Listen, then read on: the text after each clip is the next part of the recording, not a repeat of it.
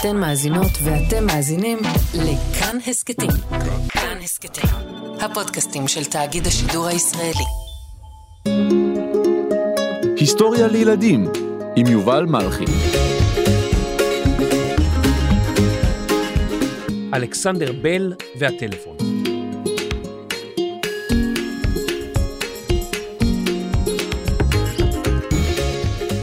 שלום ילדים.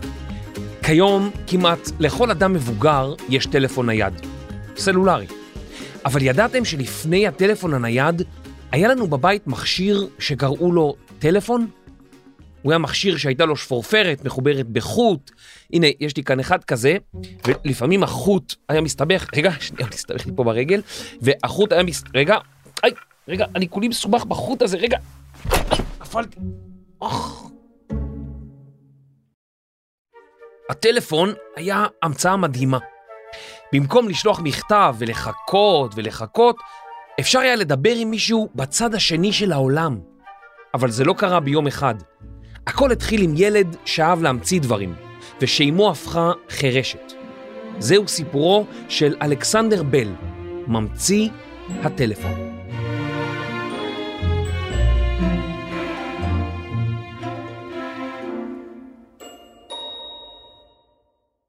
אלכסנדר בל נולד בסקוטלנד בשנת 1847 וגדל בעיר אדינבורו, העיר שכונתה אתונה של הצפון, בשל האומנות והמדע שפרחו בה. הוא היה ילדם השני של אלייזה, פסנתרנית, ושל אלכסנדר, פרופסור שחקר את הקול האנושי ועסק רבות בחשיבה כיצד האדם מייצר קול. זה די מבלבל שיש לך אותו שם כמו אבא שלך, אך בעולם המערבי, ובעיקר בשפה האנגלית, קוראים לעתים לילד על שם אביו או סבו, ומוסיפים ג'וניור, צעיר. אחיו של אלכסנדר, מלוויל ואדוארד, קראו לו בחיבה אלק. כשאלכסנדר היה בן עשר, הוא ביקש לדבר עם הוריו.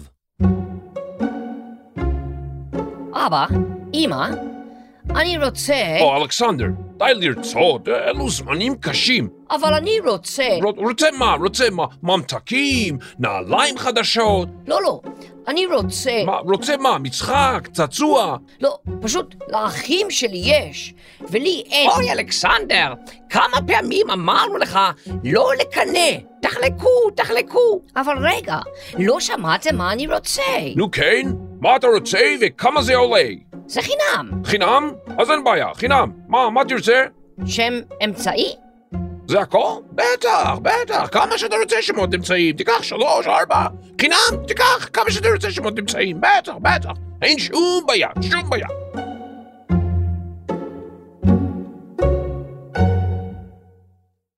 הוריו העניקו לו את השם האמצעי גרם, על שמו של חבר של המשפחה. מעניין אם גם לכם יש שם אמצעי. כבר מגיל צעיר אהב אלק להמציא דברים, ובגיל 12 הוא המציא מכונה שהסירה קליפות מגרעין החיטה. את המכונה, הוא וחברו בן התקינו בתחנת הקמח של אביו של בן, והמכונה עבדה מצוין במשך כמה שנים. בל ואחיו גם המציאו מין ראש מדבר. הם עקבו אחר הוראות שקראו בספר, ובנו ראש שניתן להזיז את שפתיו על ידי נשיפת אוויר לתוכו. ואז הראש היה מבטא מילים בודדות, כמו למשל מאמה, אימא. אחד השכנים שמע מישהו קורא מאמה, מאמה, ובא לראות שהכל בסדר. חוץ מלהמציא דברים, אלק אהב לנגן בפסנתר עם אמו, שהייתה פסנתרנית. אלק הפך להיות הפסנתרן של הבית, וכשהיו מגיעים אורחים, הוא היה עושה קולות מצחיקים, ששעשעו מאוד את האורחים. אבל החיים הם כמו גלגל, או גלגל ענק בלונה פארק. לפעמים אתם למעלה, ולפעמים למטה. כשאלכסנדר היה בן 12, החלה אמו לאבד את שמיעתה. אביו של אלכסנדר המציא שיטה שבה ניתן היה לתקשר עם אמו בעזרת סימני ידיים. הוא גם כתב כיצד ניתן לקרוא שפתיים וללמד חרשים אילמים לדבר בשפה של סימנים.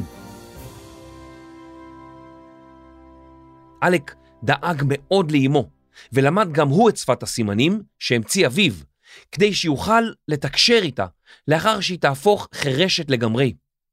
כיום, דרך אגב, יש בעולם בין 200 ל-300 שפות סימנים שונות.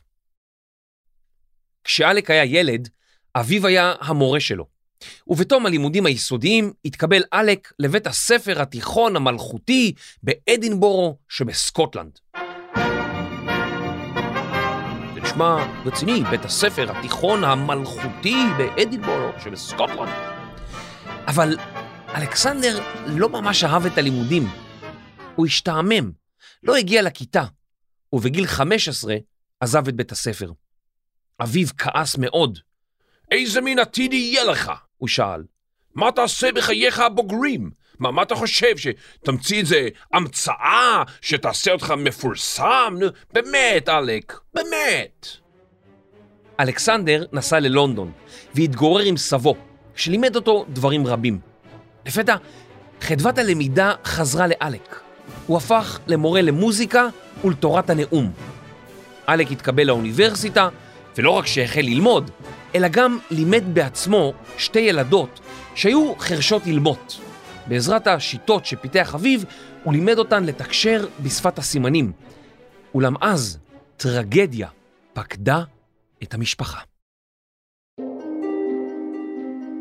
אחיו של אלכסנדר, טד, חלה בשחפת ומת בשנת 1867.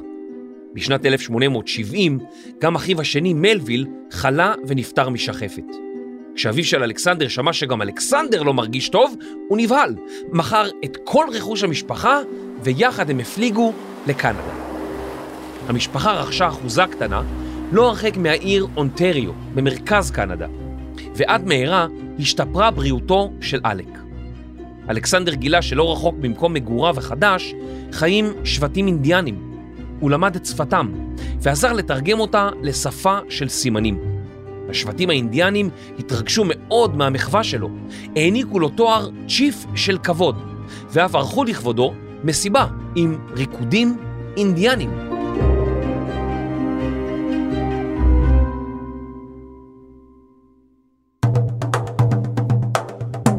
הופ, הופ, הופה! יופי אלק! הופ, הופ, הופה! כל הכבוד! אוי, זה מצוין. אתה יודע ממש טוב את שפת הסימנים. ירקוד? יש לך עוד על מה לעבוד. הופ, הופ, הופ. בזמן שהתגורר בקנדה, אלכסנדר המשיך לערוך ניסויים מדעיים שונים. במיוחד עניין אותו הטלגרף, מכשיר להעברת אותות חשמליים למרחקים ארוכים.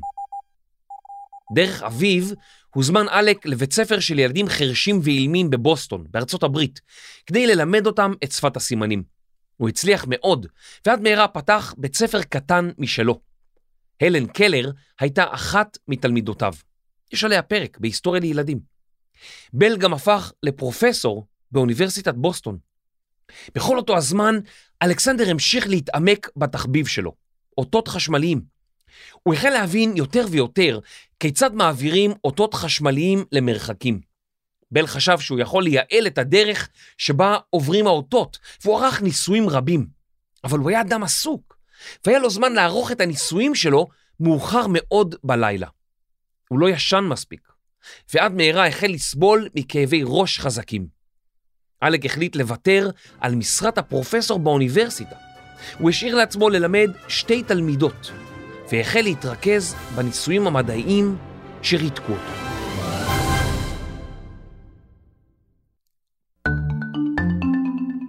באותן השנים, הטלגרף, מכשיר חשמלי שבעזרתו ניתן היה להעביר מידע באמצעות אותות חשמליים, היה מאוד פופולרי. אדם יכול היה לשלוח הודעה ממרחק רב שהייתה מתקבלת כמעט בו זמנית בקצה אחר של כדור הארץ. הטלגרף שינה את עולם העיתונות, את עולם העסקים ואת העולם בכלל, וחוטי טלגרף ארוכים נפרסו לכל אורך ארצות הברית, אירופה וגם באסיה. אבל עם כל החידוש שהביא הטלגרף, הייתה לו מגבלה. כל חוט יכול היה להוביל הודעה אחת בלבד. אם רציתם לקבל שתי הודעות בו זמנית, הייתם צריכים שני חוטים. עשר הודעות, עשרה חוטים, אלף הודעות, מאה, לא, אלף הודעות, מאה ועוד, תשע מאות, אלף, אלף הודעות, אלף חוטים, כן. זה עלה הרבה מאוד כסף, ובכלל, תארו לכם שמעל הראש שלכם היו אלפי חוטי נחושת. חברות חיפשו דרך להעביר יותר מהודעה אחת על קו טלגרף. אלכסנדר בל האמין שהוא יכול למצוא לכך פתרון. אלכסנדר סיפר להורים של תלמידותיו על המצאותיו. הם היו אנשים עמידים והחליטו להשקיע כסף כדי לתמוך בניסויים שלו. בכל זאת, צריך מכשירים חדשים, לתקן כל מיני דברים, להמציא משהו עולה לא מעט. אבל בל חש שהוא הגיע לקצה היכולת שלו.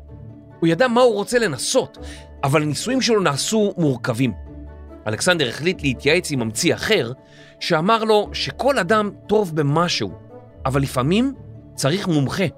מישהו שממש מבין בחשמל ובמכשירים חשמליים.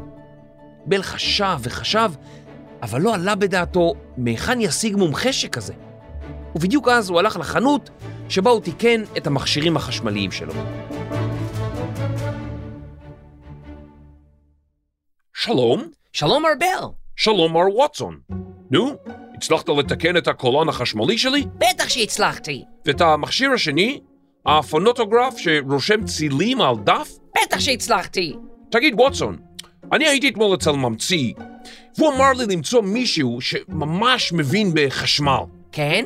ובתיקון מכשירים, כן? והוא יודע לתקן דברים במהירות. כן? אתה מכיר מישהו כזה?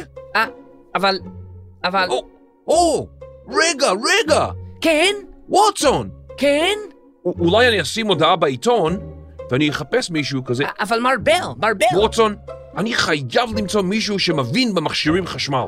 מישהו שיודע איך הם עובדים ויודע לתקן אותם. מישהו כמוך כזה. או? רגע, ווטסון, כן מר בל. כן מר בל. אולי יש לך אח? מה? אה, לא, רגע, אה, אתה מולי. אה, אולי אתה רוצה להצטרף אליי. בטח. בשמחה. בשמחה. בוא נרקוד קצת. הו-הו. יהו! הו-הו. מר בל, אתה צריך מומחה בריקוד, אתה. לא כזה טוב.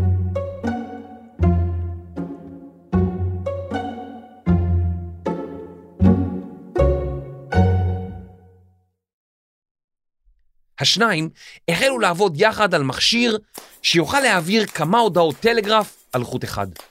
הם עבדו וניסו ושוב עבדו ושוב ניסו, אבל שום דבר לא פעל כמו שצריך. בל חש מתוסכל. יום אחד, ביוני 1875, החל בן לכוון את התדרים במכשיר שלו, כדי שיהיו זהים במשדר ובמקלט. אלה שני חלקים, אחד משדר או מעביר את האותות, והשני קולט ומתרגם אותם. באותו הזמן היה ווטסון בחדר אחר לגמרי, ועשה את אותו הדבר. לפתע בל החל לצעוק, ווטסון, אל תיגע בכלום! אל תיגע בכלום! ווטסון גרם לזרם חשמלי לנוע מצד לצד, ולמעשה הוא גרם לצליל מסוים להגיע למקלט של בל.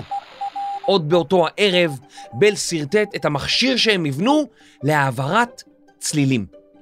ווטסון בנה מכשיר לקבלת הקולות, והריץ חוטים בין הקומות השונות.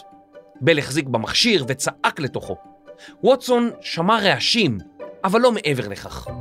הם המשיכו לשפר את המכשיר, את המשדר ואת המקלט, ותוך חודש כבר הצליחו להעביר קול באיכות נמוכה מאוד בין המכשירים שהיו ממוקמים בחדרים שונים.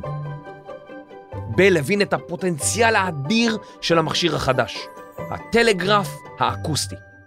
הוא הגיש בקשה לפטנט במשרד הפטנטים האמריקני, אבל הייתה בעיה קטנה. ממציא מנוסה יותר בשם אלישע גריי כבר הגיש בקשה דומה. משרד המשפטים בחן את שתי ההצעות וגילה שהן דומות מאוד. הם גם ראו שהבקשה של בל הגיעה למשרדם שעתיים לפני הבקשה של אלישע גריי. בל קיבל את הפטנט על הטלפון. הוא היה מאושר והוא וואטסון המשיכו לשפר אותו. אבל כאן יש בעיה קטנה, בעיה היסטורית. עד היום אין אנחנו יודעים בדיוק מה התרחש עם שני הפטנטים, אך יש טענות שונות, כי אנשים במשרד הפטנטים האמריקני היו חברים קרובים של עורכי הדין של בל, ושהם קידמו את הפטנט של בל. אנחנו גם יודעים שבל השתמש בחלק מהרכיבים שראה בהמצאתו של גריי, כדי לשפר את המכשיר שלו, אבל אף אחד לא בטוח בדיוק מה קרה שם. ישנו גם ממציא איטלקי בשם אנטוני מאוצ'י, וגם בו מכירים כאחד הממציאים הראשונים של הטלפון. אך הפטנט היה התא של בל, ורוב ההיסטוריונים אכן מסכימים כי בל היה ממציא הטלפון. שלושה ימים לאחר שקיבל את הפטנט על הטלפון, ב-10 במרץ 1876, הצליחו בל וווטסון להעביר משפט ברור דרך הטלפון. הפעם הם השתמשו במשדר חדש יותר שהמציאו. בל רצה לבדוק אם המכשיר עובד, ואמר לתוך הטלפון, מר ווטסון, בוא הנה, אני צריך לראות אותך. ווטסון שמע ובא. הייתה זו שיחת הטלפון הראשונה בהיסטוריה, ובל מאוד הצטער שלא אמר מילים ססגוניות יותר, או משמעותיות יותר. כמו למשל, הטלפון הזה יעמוד לדורות. המכשיר הזה, שאנו ממציאים כיום, אם תרצו מכשיר להעברת קולות, אין זו אגדה. אנו מכריזים בזאת על המצאה חדשה. אין לי מה להציע לכם, אלא דם, גזע ומכשיר להעברת קולות. ווטסון, בוא לכאן, אני צריך לראות אותך. איזה משפט. בקיץ 1876 העביר הטלפון של בל קול למרחק של יותר מעשרה קילומטרים. באוקטובר של אותה שנה ניתן היה לנהל שיחה של ממש בעזרת ההמצאה החדשה.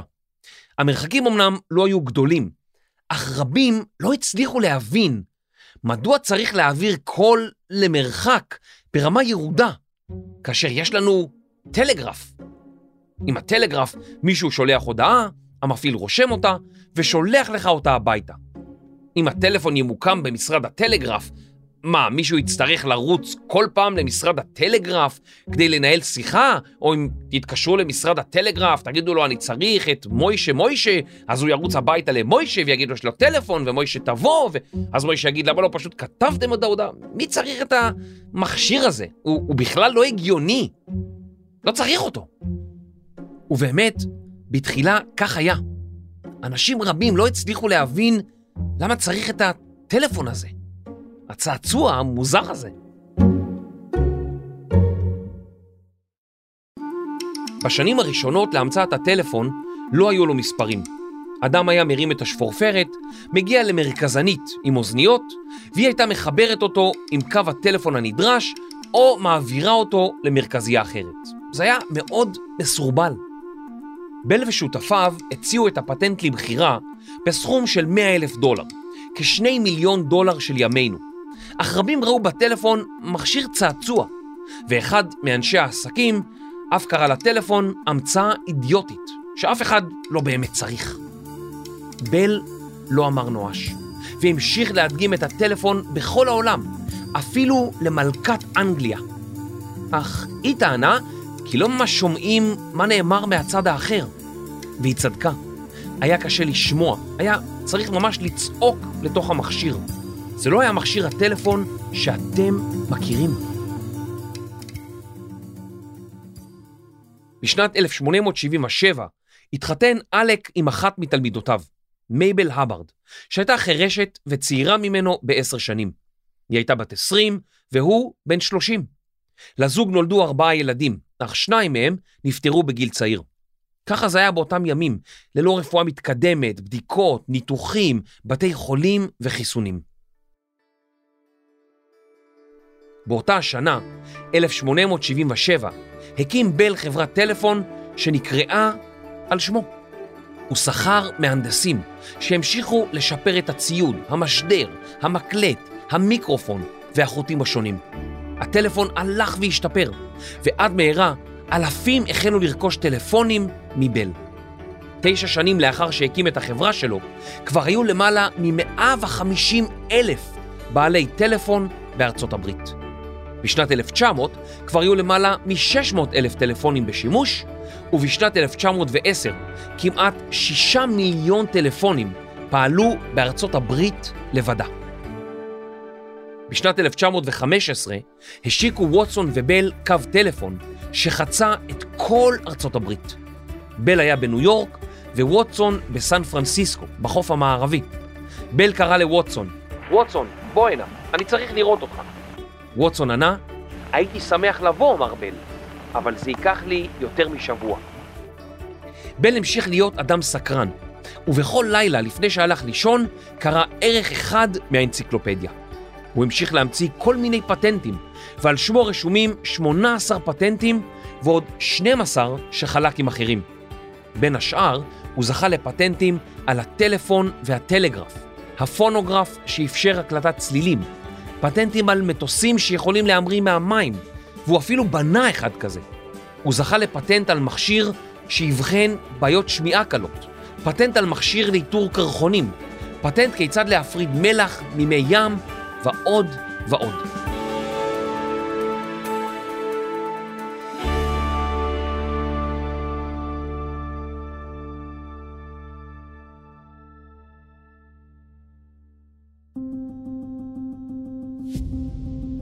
בראשית דרכו הטלפון היה יקר ואי אפשר היה למתוח חוטים מכל בית. בשנת 1891 הומצא הטלפון הציבורי, שהוצב במקום ציבורי. ניתן היה לנהל בטלפון הציבורי שיחת טלפון בעבור מטבע. בישראל הטלפונים הציבוריים פעלו בעזרת מטבע מיוחד שנקרא אסימון, ולאחר מכן עם כרטיס שכונה טלקארד. בזמן המצאת הטלפון, בשנת 1877, נכתב בעיתון יהודה וירושלים. בימים האלה יצא לאור המצאה חדשה, אשר תיקרא בשם טלפון. פתרונה מדברת מרחוק. במספר רגעים יוכלו האוהבים הרחוקים, איש מעל אחיו, כמה מאות פרסאות, לדבר איש את רעהו, ולשמוע איש כל אחיו מדבר אליו מארץ מרחקים. אליעזר בן יהודה המציא מילה עברית להמצאה של בל, סך רחוק, אך המילה לא נקלטה בשפה המדוברת, ועד היום ההמצאה ידועה בעברית בתור טלפון. ביוונית עתיקה, טלה הוא רחוק, ופון הוא קול. ודרך אגב, באנגלית שיחת טלפון היא phone call, שזה בדיוק זה, phone call. הבנתם? פון בעברית, קול. בל הלך לעולמו בשנת 1922 בגיל 75. בשעת הלווייתו הושתקו כל מכשירי הטלפון בצפון אמריקה למשך דקה אחת כדי לכבד את זכרו. ישנו ציטוט המיוחס לאלכסנדר גרם בל, אך עד היום לא באמת בטוחים שהוא אמר את זה. כשדלת אחת נסגרת, אחרת נפתחת. אבל אנחנו מסתכלים ממושכות ובצער רב על הדלת שנסגרה, שאנחנו לא רואים שדלת חדשה נפתחה עבורנו. בין אם אלכס שלנו אמר את זה, ובין אם לא, זה ציטוט יפה, והוא מלמד אותנו שבחיים לא הכל מושלם, אבל צריך להמשיך לנסות, בדיוק כמו בל. עולם הטלפוניה הלך והשתנה לאורך השנים. הטלפון התפתח, נוספה לו חוגה שאפשר לסובב, ועם הזמן היא פינתה את מקומה לטלפון לחצנים. כיום הטלפון הקווי מפנה את מקומו לטלפון הסלולרי, ובעתיד אולי נראה את הטלפון, אחת ההמצאות הגדולות בהיסטוריה, במוזיאון.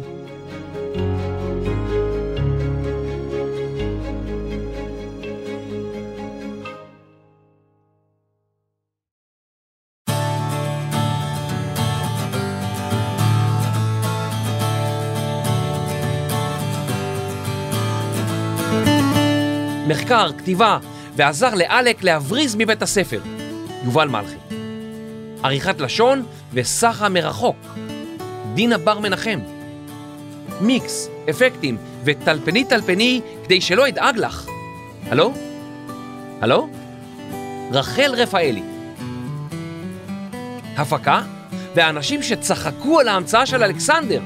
מה, זה מכשיר צעצוע זול. לא שומעים כלום. לא שומעים, לא אומרים, מה, מה אומרים? מה, לא מבינים? מי צריך מכשיר שבאותו רגע צריך להיות לידו? למה פשוט לא לכתוב את זה? אוי, ההמצאה הזאת לא תעבוד בחיים, זה לא יעבוד.